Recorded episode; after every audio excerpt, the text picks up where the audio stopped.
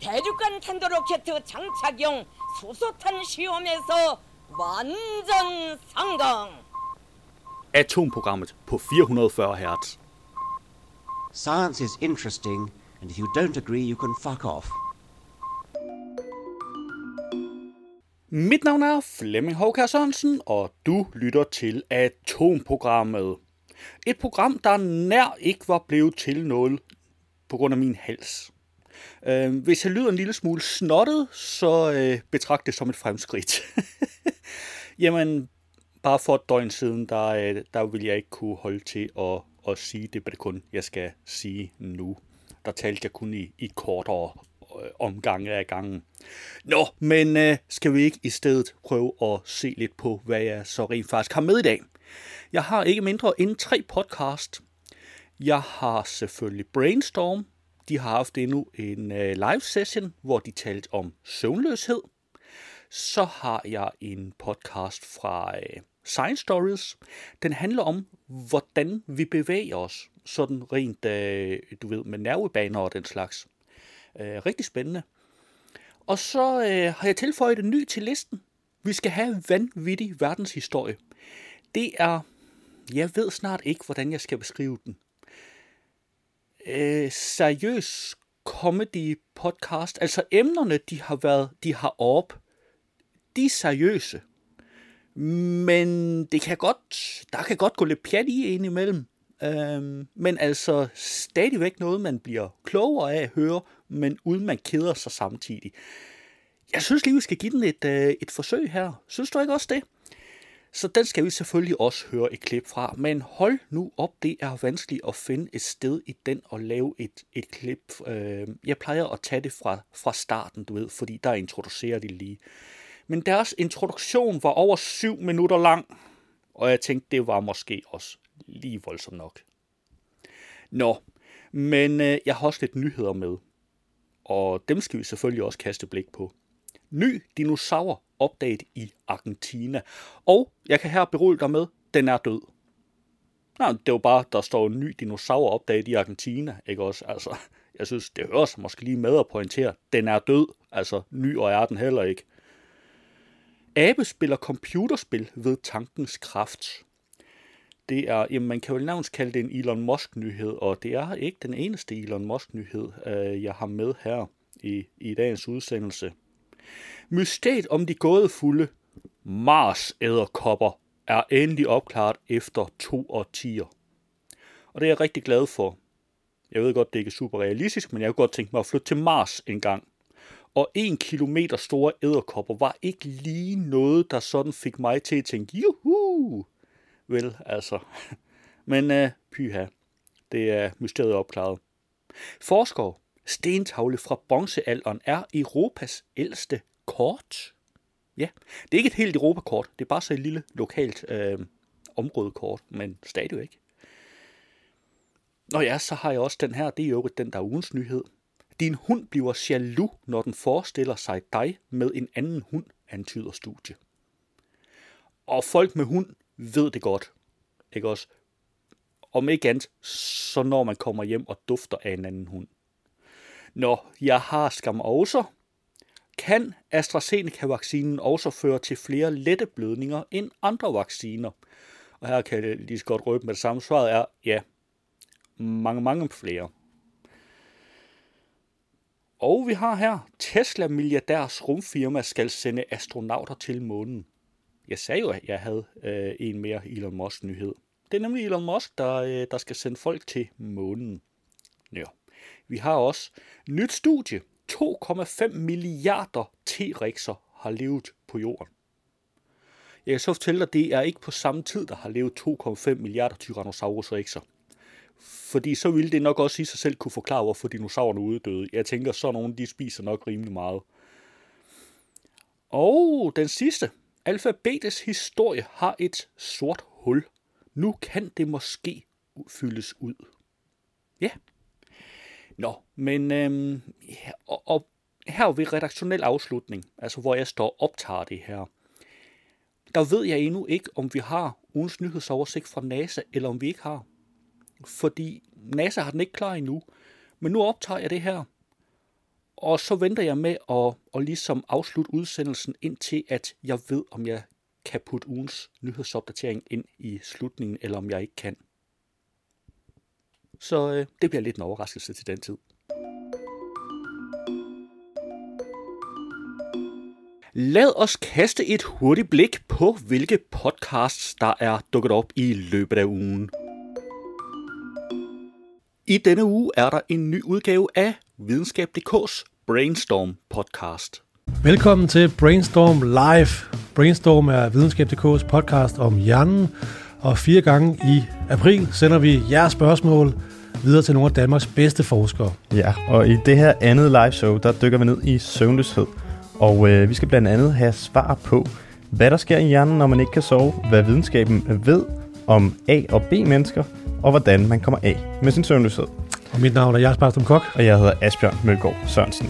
Velkommen til Brainstorm Live. Det var en lille bid af Brainstorm. Du kan naturligvis finde et link til podcasten i show notes. I denne uge er der også en ny udgave af Science Stories podcasten. Alle celler i kroppen er elektriske, og nervesystemet binder det hele sammen og sørger for, at vi kan sanse og føle, bevæge vores muskler og tænke. Mange af kroppens funktioner foregår helt uden for vores kontrol og bevidsthed, og nogle, for eksempel hjerteslagene, kan vi godt nok mærke, men vi kan ikke direkte kontrollere dem med vores vilje. Som om det ikke var kompliceret nok i forvejen, så har vi også at gøre med nerver, som arbejder sammen og gør os i stand til at lave koordinerede bevægelser. Blandt dem, som har studeret det, det er Rune Berg og Henrik Linden fra Institut for Neurovidenskab på Københavns Universitet. Og hvis vi starter med dig, Rune Berg, nervesystemet, det lyder umiddelbart ret kompliceret. Kan du lige forklare, hvordan det er, at vores nervesystem ser ud med ganske få ord?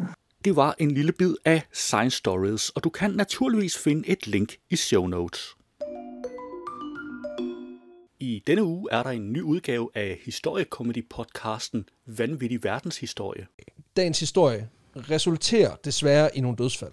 Nå. Uh, vi skal tilbage til 1992. Vi skal til Filippinerne, hvor Pepsi Åh. de står og skal til at ekspandere lidt på deres marked. Okay? Ved indgangen af 1992, der, står, der sidder de på cirka lige under 20% af colamarkedet, og har egentlig på mange måder banket en rimelig solid forretning op ved at sælge sukkervand i det her meget varme og våde land. Mm. Men selvom de sælger godt på, i Filippinerne, som på det her tidspunkt er det 12. største marked for sodavand på verdensplan, Okay. så stikker det selvfølgelig en lille bitte smule, at de jo er den evige toer i forhold til det store røde konglomerat, der er Coca-Cola Company. Ja. Fordi Coca-Cola Company, De er fucking alle steder. de skovler fucking penge ind. Det var et lille klip af Vanvittig Verdenshistorie. Du kan finde et link i show notes. Det var et overblik over ugens podcasts. Denne uges nyhed har jeg, vanen tro efterhånden, fundet på videnskab.dk. Din hund bliver jaloux, når den forestiller sig dig med en anden hund, antyder studie. Tidligere rundspørger har vist, at 80% af hundeejere har observeret, at deres hunde har vist tegn på at være jaloux, når ejeren har interageret med en anden hund. Hundene har oftest reageret ved at gø, opføre sig mere aggressivt eller hive i hundesnoren, det skriver University of Auckland i New Zealand i en pressemeddelelse. I et nyt studie, publiceret i tidsskriftet Psychological Science, har forskere set nærmere på denne tendens.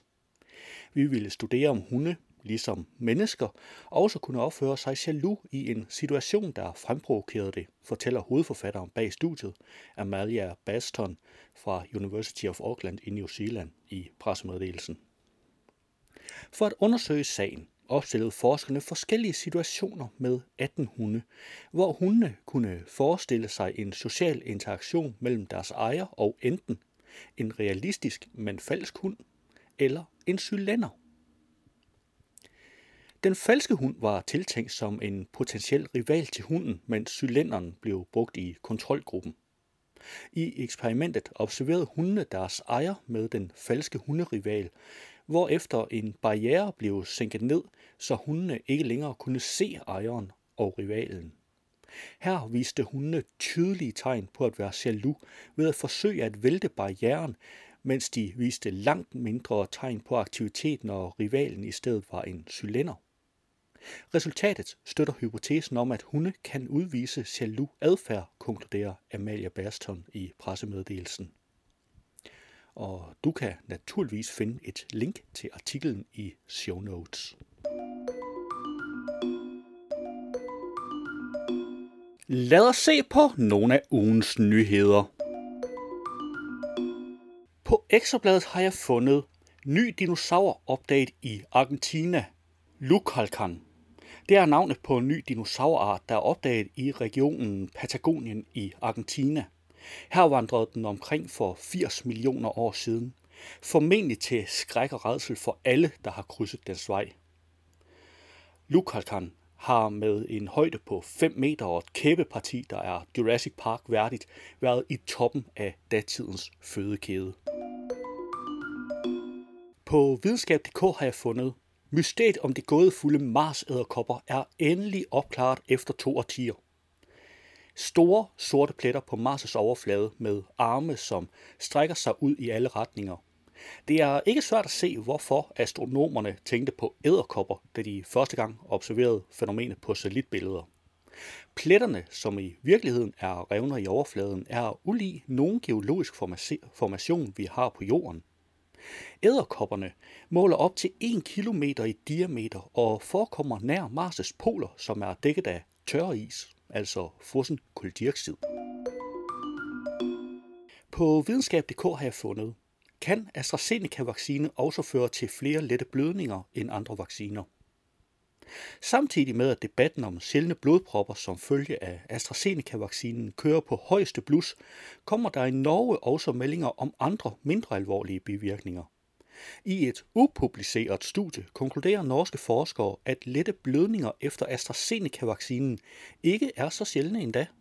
Det kunne eksempelvis være store blå mærker eller sprængte blodkar under huden. De foreløbige resultater viser, at blot fire af de næsten 2900 deltagere, som modtog en mRNA-vaccine, som for eksempel Moderna og Pfizer-vaccinerne, rapporterede om såkaldte blødninger fra huden. Det svarer til 0,1 procent af de vaccinerede. 124 af de 4.500, som modtog AstraZeneca-vaccinen, rapporterede det samme. Det er 2,8 procent af de vaccinerede.